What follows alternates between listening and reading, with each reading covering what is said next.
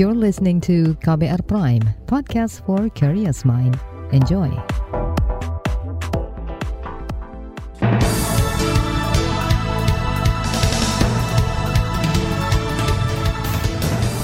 Selamat pagi saudara, senang sekali kami bisa menjumpai Anda kembali melalui program Buletin Pagi edisi Senin 19 September 2022. Bersama saya Naomi Liandra. Sejumlah informasi pilihan telah kami siapkan. Di antaranya, pemerintah diminta perluas program solar untuk nelayan. Tingkat kepuasan masyarakat terhadap pemerintahan Jokowi menurun pasca kenaikan harga BBM. Bencana puting beliung rusak puluhan rumah dan fasilitas umum di Aceh. Dan inilah Buletin Pagi selengkapnya. Terbaru di Buletin Pagi.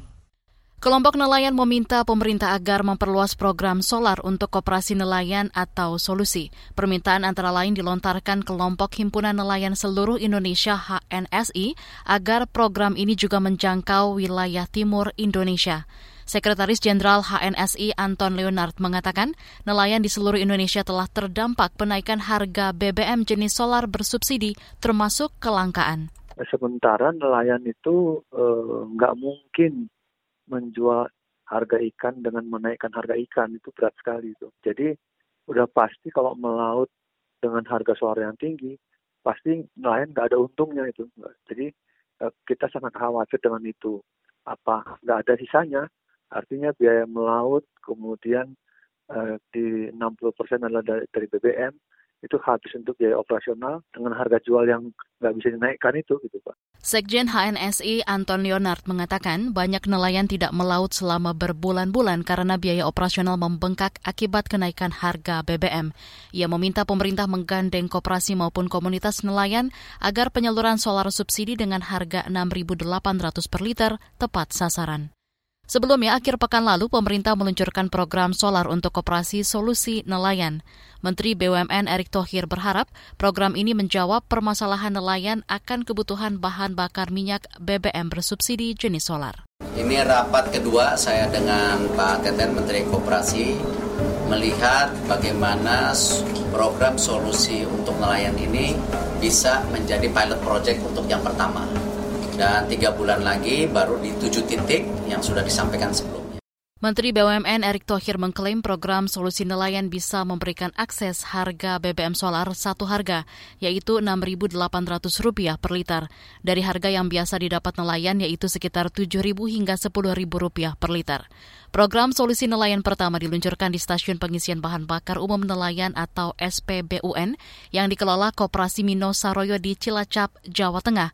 Program ini juga akan diuji coba di Surabaya, Jawa Timur. Sebelumnya, Kementerian Kelautan dan Perikanan juga menyatakan berkomitmen mempermudah akses BBM bersubsidi untuk nelayan. Menteri Kelautan dan Perikanan Sakti Wahyu Trenggono mengatakan akan berkoordinasi dengan berbagai pihak demi menjamin pasokan solar bersubsidi mencukupi untuk nelayan.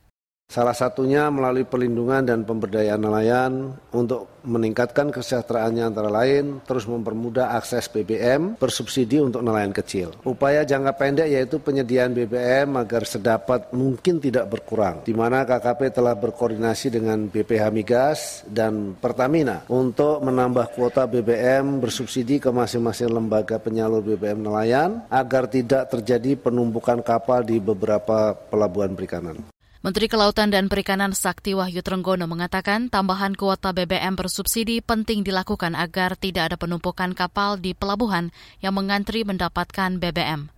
Saat ini ada 11 ribu desa nelayan di Indonesia, namun hanya ada 380-an stasiun pengisian bahan bakar minyak untuk nelayan atau SPBN yang tersedia di seluruh Indonesia. Komisi di DPR yang membidangi kelautan dan perikanan mendorong agar program solar untuk koperasi nelayan diberikan merata kepada seluruh nelayan di Indonesia. Anggota Komisi DPR bidang perikanan Daniel Johan mengatakan setiap nelayan memiliki kebutuhan yang sama, apalagi di tengah kenaikan harga BBM bersubsidi. Saat ini program solusi masih dalam fase percontohan di enam lokasi, di antaranya Cilacap dan Nusa Tenggara Barat atau NTB. Ya kita dorong ini berlaku untuk semua nelayan kecil se-Indonesia. Kalau nggak kesian dong diskriminasi dong. Tinggal memang ada keberpihakan politik anggaran bagi nelayan. Kalau perusahaan BBM ini nggak diatasi dengan baik ya kenaikan yang begitu tinggi saat ini sangat banyak kapal-kapal yang tidak melaut nanti nelayan bisa musnah dari Indonesia karena bahan bakar begitu tinggi sehingga saat mereka melaut bukan keuntungan yang mereka dapat tapi kerugian. Nah sehingga itu harus dipikirkan dalam konteks juga ketahanan pangan kita karena Indonesia juga kekurangan ikan kalau nggak. Anggota Komisi DPR Bidang Perikanan Daniel Johan juga meminta pemerintah mengawasi ketat jalannya program bantuan BBM untuk nelayan tersebut. Ia berharap seluruh nelayan bisa mendapat manfaat program tersebut. Selama ini para nelayan sangat sulit mengakses dan mendapatkan BBM bersubsidi. Pengamat kemaritiman menyebut nasib nelayan sangat bergantung pada ketersediaan BBM. Direktur Eksekutif Pusat Kajian Maritim untuk Kemanusiaan Abdul Halim menyebut 70 persen biaya operasional nelayan digunakan untuk pembelian BBM. Karenanya kenaikan harga BBM bersubsidi itu sangat memukul nelayan di tanah air.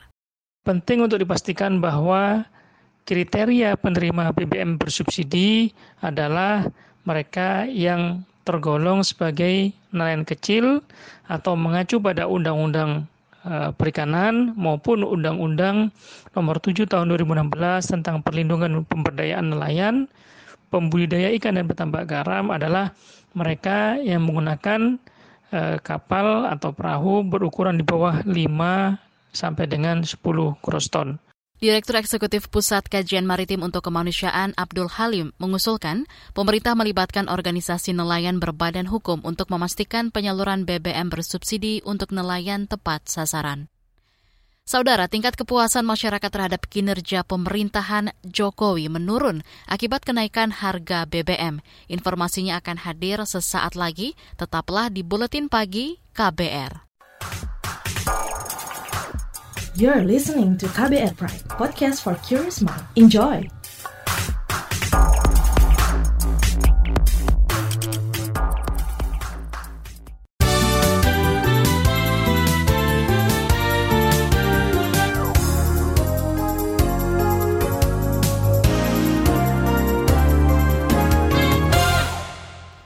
Anda sedang mendengarkan Buletin Pagi KBR.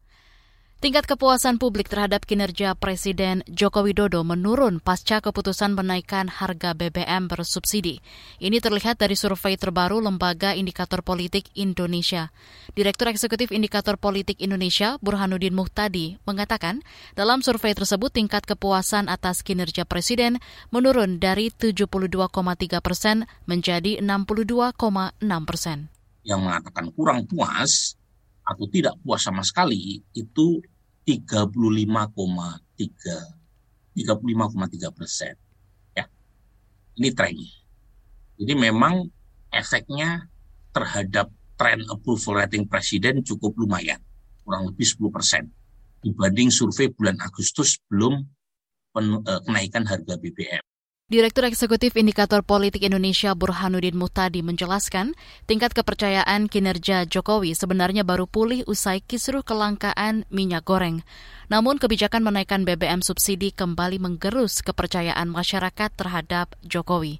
Survei tersebut dilakukan setelah awal September lalu, pemerintah menaikkan harga BBM subsidi jenis Pertalite menjadi Rp10.000, solar Rp6.800 dan Pertamax Rp14.500 per liter.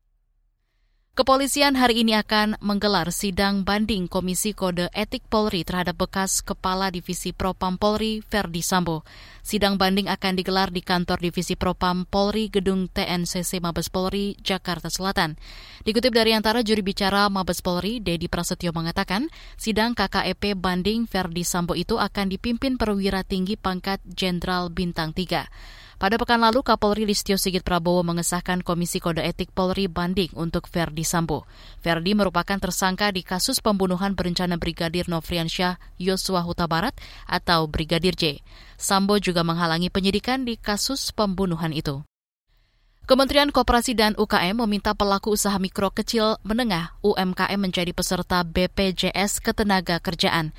Sekretaris Kementerian Koperasi dan UKM Arif R. Hakim mengatakan, menjadi peserta BPJS Ketenagakerjaan bisa memberikan perlindungan bagi tenaga kerja, termasuk manfaat jaminan hari tua, kecelakaan kerja, pensiun bulanan, hingga kematian. Dalam keterangan tertulisnya, Kementerian Koperasi dan UKM mengatakan masih sedikit pekerja di sektor informal dan UMKM yang mengikuti program jaminan sosial ketenaga kerjaan. Dengan menjadi peserta BPJS Ketenagakerjaan, kata Arif, pelaku UMKM dan koperasi mendapatkan perlindungan dan kenyamanan saat bekerja, sehingga produktivitas bisa lebih baik lagi dan dapat meningkatkan kesejahteraan. Selain itu, ajakan Kepesertaan BPJS Ketenagakerjaan ini juga sesuai instruksi Presiden tentang optimalisasi pelaksanaan program jaminan sosial ketenagakerjaan. Beralih ke berita duka. Ketua Dewan Pers Profesor Azumardi Azra wafat pada minggu kemarin di Rumah Sakit Serdang, Selangor, Malaysia. Bekas Rektor Universitas Islam Negeri UIN Syarif Hidayatullah Jakarta itu sempat dirawat sejak Jumat pekan lalu akibat gangguan kesehatan saat melakukan kunjungan kerjanya ke Malaysia. Ajumardi merupakan cendekiawan Muslim Indonesia yang banyak bergiat di kerukunan dan toleransi antar umat beragama. Ia terpilih menjadi Ketua Dewan Pers periode 2022-2025. Ajumardi akan dimakamkan di Taman Makam Pahlawan Kalibata, Jakarta Selatan hari ini. Kabar Pemilu Kabar Pemilu PDI Perjuangan menyangkal kecurigaan Ketua Majelis Tinggi Partai Demokrat Susilo Bambang Yudhoyono SBY terkait tanda kecurangan pemerintahan Jokowi pada pemilu mendatang. Sekretaris Jenderal DPP PDIP Hasto Kristianto balik mempersoalkan dugaan kecurangan pada pemilu 2009, di mana suara Partai Demokrat naik tiga kali lipat.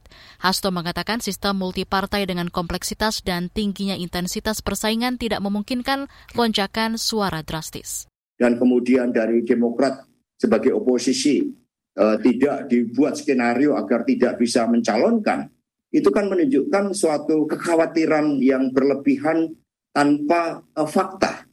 Kita bisa memahami uh, bagaimana seorang ayah untuk mendorong anaknya misalnya.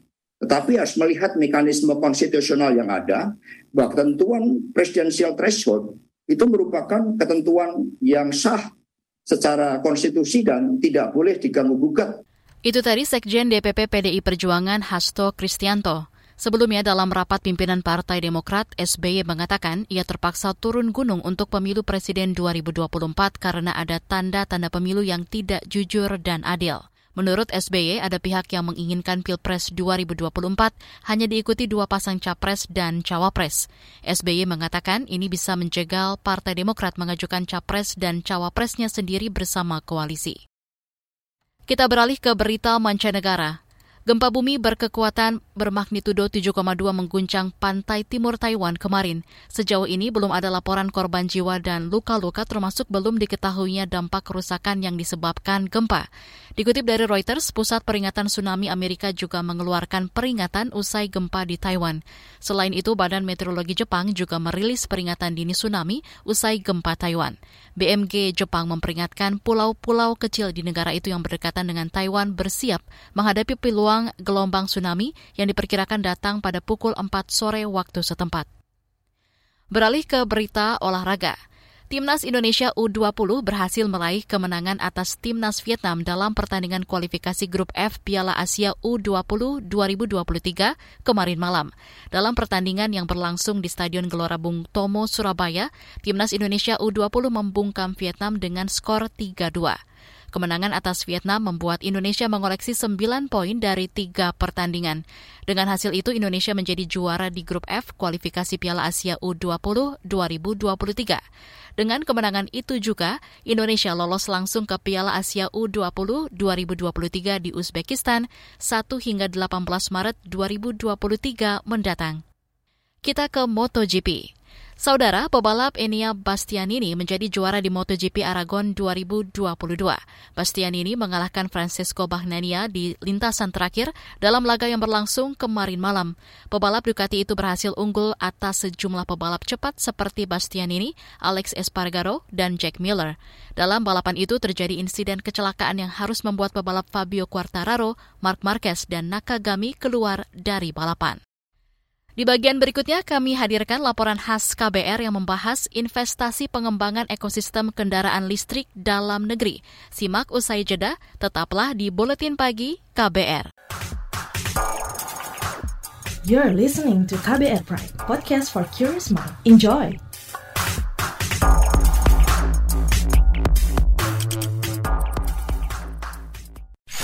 Commercial break. Commercial break.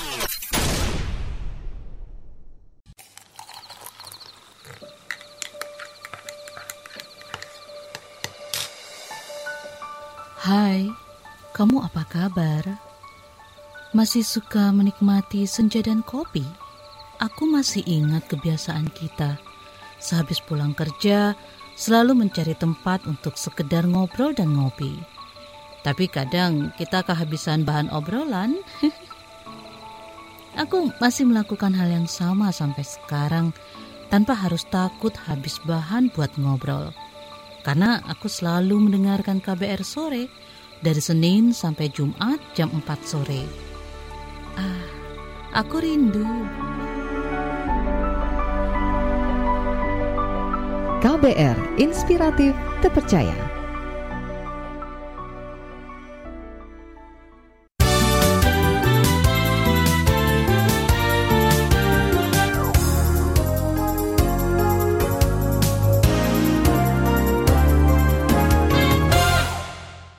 Anda masih bersama kami di Buletin Pagi KBR. Pemerintah terus berupaya mempercepat pengembangan ekosistem kendaraan listrik dalam negeri, salah satunya dengan menggenjot investasi berbasis hilirisasi. Berbagai kerjasama investasi dijajaki untuk mendukung kebijakan ini. Bagaimana upaya pemerintah untuk menarik investor kendaraan listrik? Simak laporan khas KBR yang disusun Astri Yuwanasari. Pemerintah terus melakukan berbagai upaya untuk beralih dari energi fosil ke energi baru terbarukan, termasuk dengan menggenjot penggunaan kendaraan listrik. Presiden Joko Widodo mengatakan upaya ini termasuk salah satu strategi pemerintah menuju target net zero emission atau nol emisi karbon dioksida pada 2060. Jokowi pun berharap Indonesia bisa merajai industri kendaraan listrik. Betul-betul mampu merajai menjadi produsen dari kendaraan listrik. Dan kita targetkan nanti di 2025 2 juta kendaraan listrik bisa digunakan oleh masyarakat kita Indonesia dan selanjutnya kita akan menuju ke pasar-pasar ekspor. Presiden Jokowi mengatakan terus mengupayakan pembangunan pabrik baterai untuk kendaraan listrik dalam kapasitas besar. Ia juga berharap ada peningkatan kapasitas produksi kendaraan listrik melalui kerjasama dengan perusahaan dari luar negeri. Salah satu kekuatan besar Indonesia adalah ketersediaan hasil tambang yang melimpah, mulai nikel hingga kobalt, yang merupakan bahan baku pembuatan baterai kendaraan listrik ingin membangun ekosistem besar end to end dari hulu sampai hilir untuk mobil listrik mulai dari penambangan nikel, kemudian uh, smelternya, refinery-nya, kemudian pembangunan industri katoda dan prekursornya, kemudian masuk ke lithium baterai, EV baterainya, baterai listriknya, kemudian mobilnya. Setelah mobilnya juga masih ada lagi tambahan yaitu merecycle baterai listriknya. Sehingga ini dari betul-betul dari hulu ke hilir semuanya dalam sebuah ekosistem besar yang ingin kita kerjakan. Selain itu, Jokowi menegaskan, sebagai salah satu negara penghasil biji nikel terbesar di dunia, Indonesia berkembang pesat dalam industri besi dan baja. Dan saat ini Indonesia menjadi negara penghasil besi baja stainless terbesar nomor dua di dunia. Transformasi ini akan diikuti dengan barang-barang tambang seperti tembaga dan bauksit untuk aluminium yang akan menjadi tulang punggung industri energi baru dan terbarukan termasuk baterai litium dan mobil listrik. Untuk menarik investor luar negeri, pemerintah obral janji untuk mempermudah seluruh perizinan dan pemberian insentif kepada calon investor – Menteri Investasi sekaligus Kepala Badan Koordinasi Penanaman Modal BKPM, Bahlil Lahadalia mengatakan pemerintah serius menyasar investasi berbasis hilirisasi. Tidak perlu datang ke kementerian lembaga, nanti saya sendiri yang akan mengurus selama investasinya itu serius. Tugas Bapak Ibu adalah cukup membawa teknologi, cukup membawa kapital, dan sebagian pasar. Kita akan berkolaborasi dan saya yakinkan bahwa Indonesia pada posisi strategis sebagai negara populasi terbesar di Asia Tenggara. Jumlah populasinya kita 43 persen dan pendapatan kelas menengah kita semakin membaik. Bahlil mengatakan beberapa realisasi investasi tersebut tengah berjalan, salah satunya pembuatan baterai kendaraan listrik. Maret lalu, perusahaan konsorsium asal Korea Selatan LG telah melakukan kerjasama dengan perusahaan BUMN Indonesia Battery Corporation atau IBC. Total investasi mencapai 142 triliun rupiah. Kerjasama ini meliputi usaha tambang, smelter, prekursor ketot, batu baterai, hingga mobil listrik. Mobilnya kemarin kita sudah resmikan, Hyundai. Itu satu integrasi, kemarin mobil listrik pertama di Asia Tenggara dan Indonesia baru pertama. Jadi ini bukan baru akan nanti, tapi sudah kita lakukan. Dan untuk baterai selnya mulai akan berproduksi diperkirakan di 2003 akhir, 2023 akhir. CATL juga demikian, melakukan hal yang sama. Untuk menggenjot investasi, pemerintah akan melarang ekspor sejumlah komoditas mentah secara bertahap. Pada tahun ini, larangan ekspor bahan mentah bauksit akan tetap dilakukan. Selanjutnya akan disusul pelarangan ekspor produk komoditas lainnya. Bahlil mengatakan langkah ini sebagai upaya mendorong bertumbuhnya produk hilirisasi dalam negeri. Dengan begitu, Indonesia bisa membangun industri baterai yang bisa menjadi salah satu yang terbesar di dunia. Demikian laporan khas KBR, saya Astri Yuwanasari. Informasi dari berbagai daerah akan hadir usai jeda. Tetaplah bersama Buletin Pagi KBR. You're listening to KBR Pride, podcast for curious mind. Enjoy!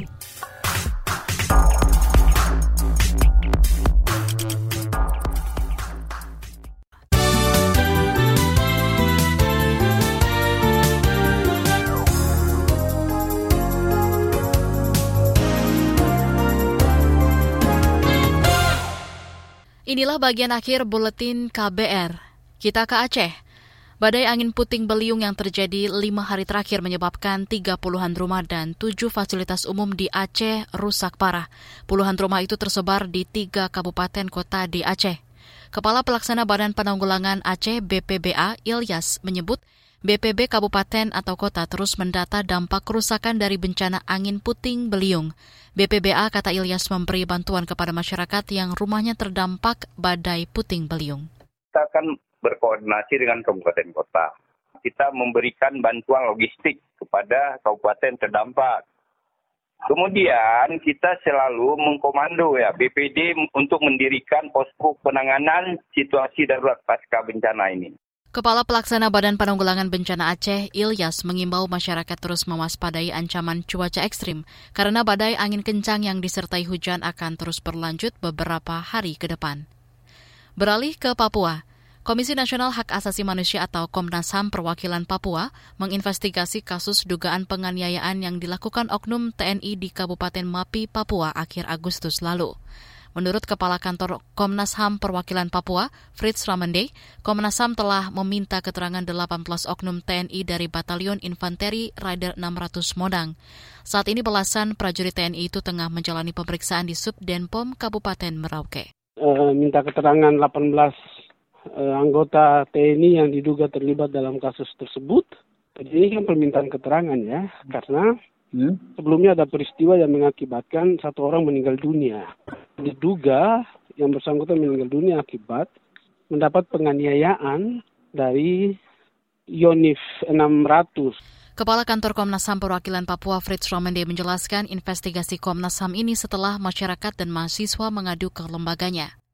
Saat ini Komnas HAM Papua tengah menyusun laporan hasil investigasi kasus itu. Di peristiwa itu, Oknum TNI diduga melampaui kewenangan karena melakukan penangkapan, interogasi, menahan, dan menyiksa korban. Kita bergeser ke Jawa Barat. Dinas Ketahanan Pangan dan Peternakan Jawa Barat menyebut pasokan ketersediaan kebutuhan pokok masyarakat tidak terganggu meski ada kenaikan harga bahan bakar minyak BBM. Kepala DKPP Jabar M. Arifin Sudiana mengklaim stok 11 komoditas pokok terkendali, di antaranya beras, bawang merah, bawang putih, cabai besar, cabai rawit, daging sapi, daging ayam, telur, dan minyak goreng. Kepala Dinas Ketahanan Pangan dan Peternakan Jabar Arifin Sudiana mengklaim kenaikan harga BBM juga belum berdampak pada kenaikan harga bahan pakan bahan pangan di tingkat hilir. Sejauh ini, kata Arifin, proses penyaluran berbagai komoditas kebutuhan pokok masyarakat juga belum mengalami kendala. Pemprov Jabar juga mengajak masyarakat berpartisipasi mengendalikan inflasi daerah pasca kenaikan harga BBM subsidi. Informasi tadi menutup jumpa kita di Buletin Pagi hari ini. Pantau juga informasi terbaru melalui kabar baru, situs kbr.id, Twitter kami di akun @beritaKBR, serta podcast di alamat kbrprime.id. Akhirnya saya, Naomi Liandra, bersama tim yang bertugas undur diri. Salam.